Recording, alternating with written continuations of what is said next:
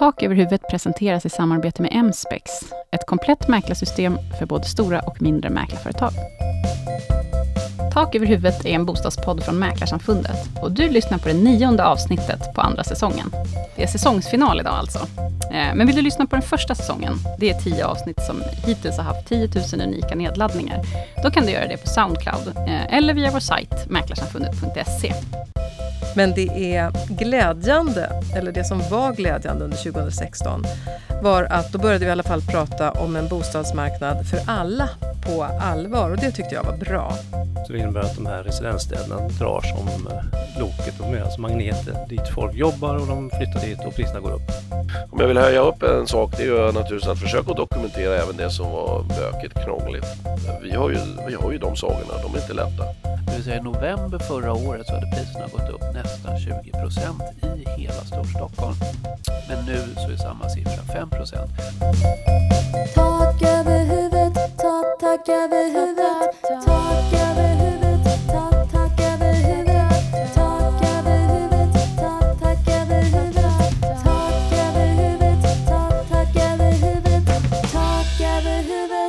dagens säsongsavslutning så ska vi summera året på bostadsmarknaden med hjälp av siffror från mäklarstatistik. Hur såg prisutvecklingen ut? Vilka trender stack ut och var det stor skillnad mellan stad och land? Och vad tror vi om utvecklingen under nästa år? Eh, finns det annat spännande man kan lyfta utifrån den omfattande statistik som Mäklarstatistik faktiskt sitter på? Eh, först ut, Mäklarsamfundets VD Ingrid Eiken. Hej, hur är läget? Ja, hej, bara bra tack. Vad tiden går fort. Redan säsongsavslutning. Var tog den här hösten vägen? Mm. det undrar vi verkligen. Eh, Men du, bostadsåret 2016, det gick ju också lika snabbt som året i största allmänhet. Eh, Hur tycker du att det har varit? Det har varit ett intensivt år tycker jag med stort fokus på bostadsbristen som ju är en av vår tids eh, största samhällsutmaningar. Tråkigt nog har vi fortfarande en marknad där efterfrågan är betydligt större än tillgången, där folk vill bo. Det är ju bostadsbrist på många, många orter i landet. Och det är tråkigt att det känns som att eh, våra folkvalda inte riktigt har ansvar för att lösa problemen på bostadsmarknaden. Men det är glädjande, eller det som var glädjande under 2016 var att då började vi i alla fall prata om en bostadsmarknad för alla på allvar och det tyckte jag var bra. Vi ska ju prata mer om prisutvecklingen med hjälp av mäklarstatistik här alldeles strax, men vad tror du då? 10 000 kronors frågan och jag gissar att du har fått den hundra gånger sedan du började på Mäklarsamfundet. Hur ser prisutvecklingen ut nästa år? Äh, Men här ska man ju vara lite försiktig eh, och, och priser är kanske inte vår främsta paradgren. Det Men är för att därför vi har mäklarstatistik. Ja, precis. Men för att svara på den här frågan eh, så gäller det att analysera ett antal omvärldsfaktorer med stark påverkan på bostadsmarknaden. Räntan är en sån. Här säger oss Riksbankens räntebana att det inte finns några räntehöjningar av betydelse att förvänta sig faktiskt nästa år. En annan fakta är politiska reformer. Inte heller här, och jag är den första att beklaga det, finns något som riktigt förväntas göra stor skillnad eh, planerat ännu. Eh, Man talar ju faktiskt om det, men vi har inte sett någonting konkret och jag tror det här möjligen skapar mer osäkerhet hos konsumenter än inger trygghet. Den allmänna konjunkturläget eh, eh, det är också hyfsat, hyfsat stabilt. Vi ser en fortsatt relativt låg arbetslöshet. Det är lite tudelning på, på arbetsmarknaden som är oroande. Men vi ser att de allra flesta av våra 290 kommuner larmar om fortsatt bostadsbrist. Och utifrån den här bilden så finns det väldigt lite som talar för att priserna inte kommer att fortsätta uppåt. Eh, jag tror att vi kommer att få se prisökningar i lite lugnare tempo än vad vi kanske gjorde under 2015 eller den här perioden som vi har tittat på 2013 till 2015. Men eh, det skulle jag snarare säga är att återgå till mera normala eh, tal. Mm. Stort tack Ingrid för den här säsongen. Ja, tack själv. Det, det är jag som vill eh, tacka. Jag tycker att det har varit jätteroligt och jag vill passa på att önska alla lyssnare och eh, medlemmarna i Mäklarsamfundet en riktigt god jul och ett gott nytt år. Men jag vill också passa på Josefina att tacka dig som uthålligt har eh, eh, faktiskt lotsat oss fram genom de här eh, poddarna som vi har spelat in. Och vi har ju fått otroligt många nya eh, lyssnare under den här säsongen. Och det ska bli spännande att se när vi är framme vid vår tredje säsong hur många vi då har som följer oss och lyssnar på. Så stort tack till er alla. Och tack själv. Vi ser fram emot framtiden helt enkelt. Tack. Mhm. Tak huvudet, Jag befinner mig på Svensk Mäklarstatistiks kontor i centrala Stockholm och jag sitter här med PA och Hasse. Ni får börja med att presentera er själva. Du får börja PA. Ja, eh, Per-Arne Sandgren eh, jobbar då med analysdelen här på Svensk Mäklarstatistik. Jag heter Hans Flink och är försäljnings och affärsutvecklingschef.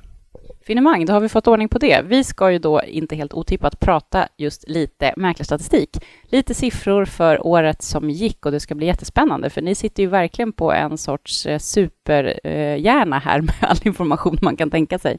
Eh, ska vi säga något kort då först om eh, året som gick? Hur har det gått Pia? Man kan väl säga så här då att eh, det har mattats av en hel del eh, på många platser i Sverige och vi mäter ju huvudsakligen i storstadsregionen där det är stora volymer. Där har det tydligt planat ut, eh, framförallt i Stockholm men också i Göteborg. Lite annorlunda i Malmö men generellt sett en, en ganska kraftig utplaning. Och vad säger du då Hasse? Kan man se någon del som är värd att nämna lite extra där det har hänt något särskilt? Eh, ja, vi ser ju generellt att det är stora skillnader i hela landet mellan eh, regionernas eh, huvudstad om vi säger så. Residensstaden är ju det oftast, om man bortser från Härnösand, Sundsvall, det är Sundsvall som är loket. Så att det är liksom, vissa orter i de här länen går jätte, jättebra och vissa går mycket sämre. Så det innebär att de här residensstäderna drar som loket, de är alltså magneter dit folk jobbar och de flyttar dit och priserna går upp. Och tvärtom då i avfolkningsbygder. Just det. Kan man säga någonting som har, eh, det var lite mer regionala skillnader, något som har stuckit ut sådär som man vill nämna? Men det är, väl, det är väl kanske framförallt Malmöområdet. För tittar vi tillbaks eh, ett år från nu, då hade vi kraftiga ök, eh, prisökningar överallt, var vi än tittade i Sverige egentligen. Och nu så är det inte så längre. Nu har vi då som sagt den här utplaningen. Men Malmöområdet, och då är det Stormalmö men också Malmö, centrala Malmö och bostadsrätter som sticker ut med fortsatt prisuppgångar över 10 procent. Eh, och det är eh, mycket jämfört med, med de andra två storstadsområdena. Och vad beror det på då, tror du? Det är svårt att säga. Vi, vi, vi tror att mäklarna är, lokala mäklare är experter på att uttala sig om sådana här kvalitativa frågor. Vi kan däremot se att ibland kommer in, till exempel om det gäller bostadsrätter i centrala Malmö, så kan det vara nyproduktion som påverkar en hel del. Och det finns andra, ors det finns andra orsaker också, men där är väl en av de tydliga. Och om man tittar på de här olika, de tre olika sorters bostäder, eller vad man ska kalla det för, som vi mäter, är ju bostadsrätter, villor och fritidshus i, i huvudsak. Är det någon, vi kanske missar någon kategori? Eh, Nej, det- är de tre som vi, som vi mäter i alla fall. Sen har vi tomter också, men det är- det är för lite omsättning för att göra statistik på. Utan det är de här tre som du säger, och framförallt då bostadsrätter och villor som är det viktigaste. Och hur ser det ut om man tittar på dem då, speciellt de här olika kategori för kategori? Är det PA igen? Eh, ja, om, vi- om vi tar då de sista 12 månaderna, nu är det ju bara december så vi, vi själva har ju inte riktigt gjort årsbokslutet ännu, men om vi tittar på bostadsrätter så ligger årstakten just nu i riket på 7% Villorna ligger snäppet högre på 9% men det är, det är den prisutvecklingen som gäller då för hela riket. Sen i Stockholm och Göteborg så är siffrorna lite lägre och lite högre då i Malmö. Och så finns det platser som Hans nämnde då, eh, residensstäder där, där prisökningarna kan vara relativt stora också. Men de stora, vi måste komma tillbaka till det i alla fall, de stora volymerna, framförallt när det gäller bostadsrätter, finns i storstadsområdena. Stockholm själv står för fyra av tio sålda lägenheter, det är alltså Stockholms län, alltså det som kallas för Storstockholm. Och tar vi med Malmö och Göteborg, Stormalmö och Storgöteborg i det, så, så har vi nästan sex av tio lägenheter som säljs i dem, eh, på de områdena. Det är intressant att de stora volymerna ligger där. Eh, vad säger du Hasse? Ja, jag kan också bara tillägga att just de här tre storstadsområdena, 6 av 10 säljs, men till 80 procent av hela Sveriges värde står för de här tre storstadsområdena, vilket är då alltså otroligt liksom viktigt att hålla koll på vad som händer i de här tre områdena. Sammantaget så, så säljs det ungefär 100 000 bostadsrätter för ungefär 220-230 miljarder. Så att det är mycket pengar som omsätts i de här tre storstadsområdena. Så man kan tänka sig, ska man hålla koll på bolånestocken så blir det väldigt intressant just att hålla koll här, kan man säga. Eh, jag vet ju att ni ska göra ett årsbokslut och det kommer att presenteras den 16 januari. Eh, det kom ju nya siffror idag, ehm, så långt som vi vet nu om 2016. Eh, kan man säga något om de siffrorna då fram till, till november om man jämför med, med förra året, då, 2015? Ja, då är det, den intressanta jämförelsen är då att årstakten har gått ner så pass mycket. Som jag nämnde, för, för, för riket så ligger vi på 7 procent. Och tar vi då eh, 40 procent av marknaden, alltså Storstockholm som vi nämnde nyss, så, så är uppgången fyr, eh, förlåt, 5 procent på årstakt. Och för ett år sedan så var samma siffra 18 procent. Det vill säga i november förra året så hade priserna gått upp nästan 20 procent i hela Storstockholm. Men nu så är samma siffra 5% Och 5% skulle nog de flesta bedömarna eh, anse en relativt rimlig bostadsprisökning. Medan 18 det är någonting som inte kan pågå år efter år. Nej, det där är faktiskt, jag fick tillfälle igår att prata lite om det här på Stockholms handelskammare, hade sån här Stockholmslunch och då valde jag att kalla det för att nu är vi tillbaks på lite mer normala prisökningstakter. Skulle du säga att jag var ute och cykla eller är det ett bra sätt att uttrycka sig på? Nej, nej men när vi, jag håller helt, helt, helt med dig. När vi har inflation och löneökningsnivåer som ligger 0, 1 eller max 2 procent i någon slags genomsnitt, då kan inte bostäderna öka med tvåsiffriga procenttal. Det, det finns ingen rimlighet i det. Och det är ju precis vad som har hänt egentligen fram till för ett år sedan, då ett antal år i sträck. Okej, är det något du skulle vilja tillägga, Hasse, som jag inte har frågat dig om? Ja, man kan väl säga så här, många frågar ju oss också om var ska man köpa, liksom, dels vilken tidpunkt på året eh, eller var. Och man kan väl säga generellt att eh, i de här storstäderna som står för så stort värde, då, som 80 procent bostadsrättsvärdet, så, så, är det ju pendlingsavstånd till liksom, centralorten viktigt att hålla koll på också. Om det ja, blir bättre kommunikation och så, så vet vi att de priserna kommer ju dra. Vi gjorde ju undersökningar på vad händer med Mälarbanan och Svealandsbanan, alltså tågen till Stockholm från norr, norr och söder om Mälaren. Och där har ju priserna stuckit som tusan, om man säger Eskilstuna, Strängnäs, Mariefred, Västerås och sådär. Och det har ju att göra med att det blivit bättre och bättre kommunikationer. Nu är det många som fortfarande klagar på tågen, men om de får ordning på dem så kommer det säkert att bli liksom lukrativt. Om man nu skulle spekulera. Men det tycker jag vi ska passa på att göra här i podden. Eh, vad säger du PA? Är det något som jag glömt att fråga dig om som du skulle vilja tillägga? Eh, man skiftar över lite till fritidshusen som vi bara kort har nämnt så, eh, så har det skett en ganska stor förändring. Om, när vi mäter fritidshus så, så har antalen fallit väldigt kraftigt. Och då är det så att det här, det här är någonting som myndigheterna egentligen står bakom och det är en taxeringskod har försvunnit. Så det är inte bara vi utan, utan även SCB och Lantmäteriet har nu inte samma enkelhet att skilja ut vad som är fritidshus och vad som är villor. Och det vi har märkt eh, det är att vi från kanske har gått från 8-10 000 fritidshusförsäljningar per år så nu ligger de snarare på 5-6 000. Och där är det så, vad bestämmer vad som är ett fritidshus i statistiken? Och för vår del eh, så är det helt enkelt hur mäklaren väljer att annonsera det. Och då vet vi ju att eh, det är många fritidshus som är vinterbonade och har treglasfönster och sådana där saker och de marknadsförs ofta som villor fastän de fortfarande egentligen är fritidshus och inte används som året runt bostad. Så det är ett problem och vi delar det här problemet då med SCB som funderar väldigt mycket för de har ingen aning om hur mäklaren marknadsförde ett objekt. Så de har då den här gamla villataxeringskoden 220 och eh, gå efter och så får de via folkbokföringsregister eller något liknande försöka leta upp vad som är ett fritidshus och vad som är en villa. Så de har nästan ännu större problem än vi att följa den här marknaden. Men, men däremot på det vi följer så har inga dramatiska förändringar skett i alla fall. Och så ska man kanske lägga till att fritidshus är väldigt små volymer jämfört med villaförsäljningen och bostadsrättsförsäljningen totalt sett ändå. Det tycker jag var ett bra klargörande där, för den där frågan får vi ibland också på Mäklarsamfundet. Hur kan det komma sig? Och nu ser det ju ut som att, det, att utbudet har sjunkit dramatiskt, med nästan 40 procent, men då är det alltså en liten eh, formalia eh, förklaring här kan man säga, bakgrunden. Ja, det är mycket en pappersprodukt och, och, både myndigheterna och vi funderar rätt mycket på hur vi ska lösa det här på bästa sätt. Och vi, vi, vi har ju, eh, ja, vi arbetar ju fortfarande på det, men, men, men som det ser ut nu så kommer volymerna sjunka hur vi än vänder och vrider. Men vi kommer fortsätta mäta det som kommer in och se vad vi kan göra eh, framöver.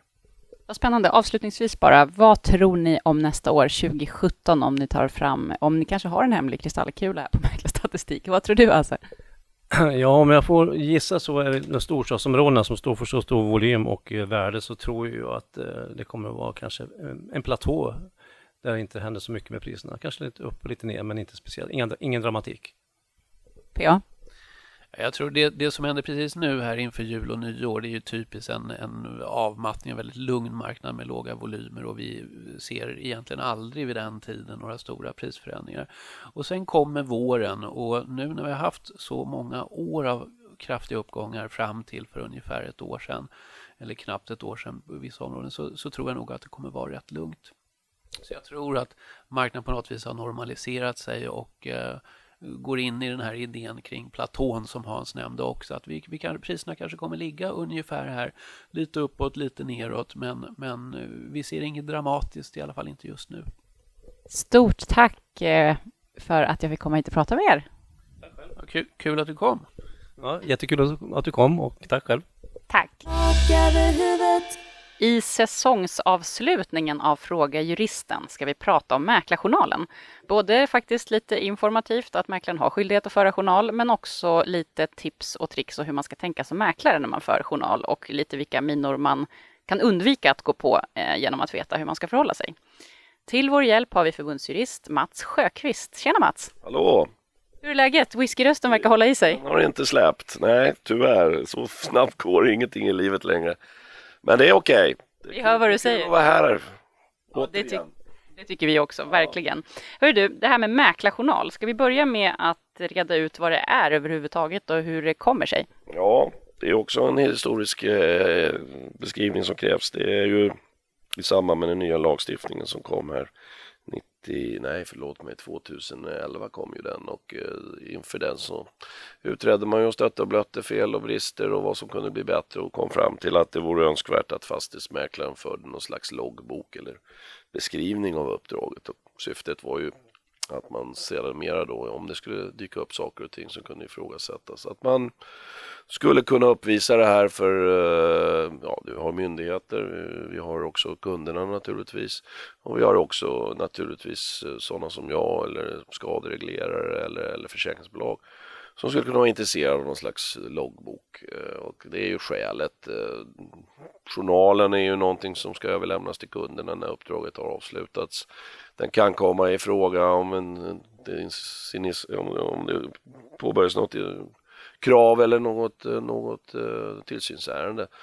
Så att den har ju, syftet är ju att, att kunna visa att mäklaren har gjort en massa saker helt enkelt och det, är- ju så den måste betraktas ur ett mäklare Eh, Det, är svårt att säga att kunderna är överlyckliga när de får dem eller att myndigheterna hoppar jämfota eller att försäkringsbolaget gör det men det, det är ett eh, rätt eh, använt ett, ett verktyg för att visa att mäklaren har gjort sitt jobb och det, det, den ska ju då överensstämma och beskriva att man har gjort de kraven som lagstiftaren kräver helt enkelt. Det är en, det är en väldigt stor eh, antal saker som ska vidtas.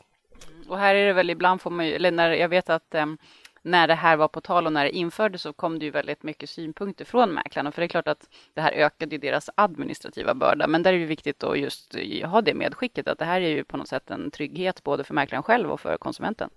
Ja, rätt använt så blir det ju så, eh, absolut. Eh, sen är det väl så, eftersom man aldrig ser det kanske vare sig nyttan eller nöjet av den eh, så, så, så blir det naturligtvis en belastning. eh, Så upplever nog säkert många mäklare det. Men, men man kanske måste säga att en gång kanske den behövs och då har man gjort den så blir den ju väldigt bra.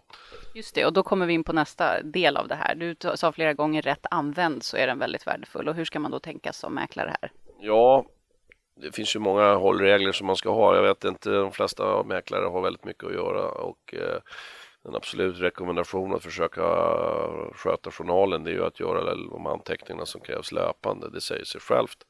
Ingen är minnesmästare och har man fem, sex, åtta förmedlingar på gång och befinner sig, man jobbar ju så att säga på semestern på kvällar och allting så att komma ihåg alla åtgärder som man har vidtagit som är av väsentlig art och komma ihåg det till ett senare datum, det är väldigt svårt. Det blir, det blir mer tungjobbat då tror jag och då är det många som ledsnar. Så att det är nog en bra regel. Eh, Sen är det väl så att eh, min egen käpphäst är ju att man eh, faktiskt måste börja beskriva saker och ting som, som avviker och där känner jag att det är många mäklare som faktiskt inte gör speciellt mycket i anteckningsväg, vilket jag tycker är konstigt. Men så ett medskick om lite skärpning här för, för allas bästa helt enkelt. skärpning men jag tycker väl att det är om vi nu säger eh, att, att man har kollat en sak eh, som är ganska uppenbart att man har gjort. Vem äger fastigheten? Det tror jag inte många mäklare tar ett uppdrag på någon som, som, av någon som inte äger en fastighet utan det kontrollerar man ju upp regelmässigt. Den uppgiften i sig är ju inte så jätteintressant och sexig. Däremot om det senare blir någon slags tvist mellan säljare och köpare eller en fråga som är rätt vanlig som dyker upp, det är ju naturligtvis inför tillträden och liknande och där tycker jag att många mäklare väljer att inte beskriva någonting av problemet och att vilken lösning kommer man fram till. Vi har ju, jag vet inte hur många tusen samtal vi har om, om, om året där det faktiskt inte rör mäklaren eh, själv utan att det är ju parterna som har olika trätor eller olika problem som mäklaren tar på sig att hjälpa dem att lösa. Och jag vill nog påstå att huvudsakligen ingen av de mäklarna som betalar dyrt för att prata med, med oss beskriver det då någonstans i sin eh, akt. Och man kan tycka att det borde finnas någon slags avvikelserapport. Det är nästan mer intressant med en avvikelserapport än kanske vanliga, den här vanliga lunken som, som många mäklare nog måste agera som när man för in en journal. Så att, om jag vill höja upp en sak det är ju naturligtvis att försöka dokumentera även det som var bökigt, krångligt vi har ju, vi har ju de sagorna, de är inte lätta. Sen är det väl så man kan ju inte naturligtvis skriva vad som helst i, i avvikelserapporten så man får försöka hålla sig inom någon som är god ton och liknande. Men att bara beskriva att eh, säljaren kom tillbaka och sa att det var började läcka in vatten i taket två dagar innan tillträdet. Jag gjorde de här åtgärderna. Jag pratade med köparen, jag pratade med ett försäkringsbolag, jag pratade till och med med, med någon jurist på Mäklarsamfundet, fick den här rekommendationen. Ja, du vet, någon, någon slags... Eh, det blir ju lite som en svart låda då ifall det skulle visa sig sedermera att man att, att det, ja, en tvist kan ju leda till eh, tvist i domstol till och med. Och då har man ju de här grejerna, man kommer ihåg dem. Så att eh, det är ju inte ett lagkrav men det är en rekommendation. Då skulle jag känna mig att den där eh, har rätt, rätt innebörd. Jag har dokumenterat det även när det var lite tråkigare saker som skulle dokumenteras. Så journalen är alltså bostadsaffärens svarta låda och bör behandlas därefter? Jag säger att den, den, den borde vara det men eh, den kan bli det, absolut. Eh, en avvikelse och att man visar att det är ju när det blåser som mäklaren är som bäst. Stort tack Mats Sjökhus för att du hjälpte oss att reda ut och eh, svara på frågor om mäklarens journalföring. Ja, och så lite. God jul! Tack för att du har lyssnat på veckans podd från Mäklarsamfundet.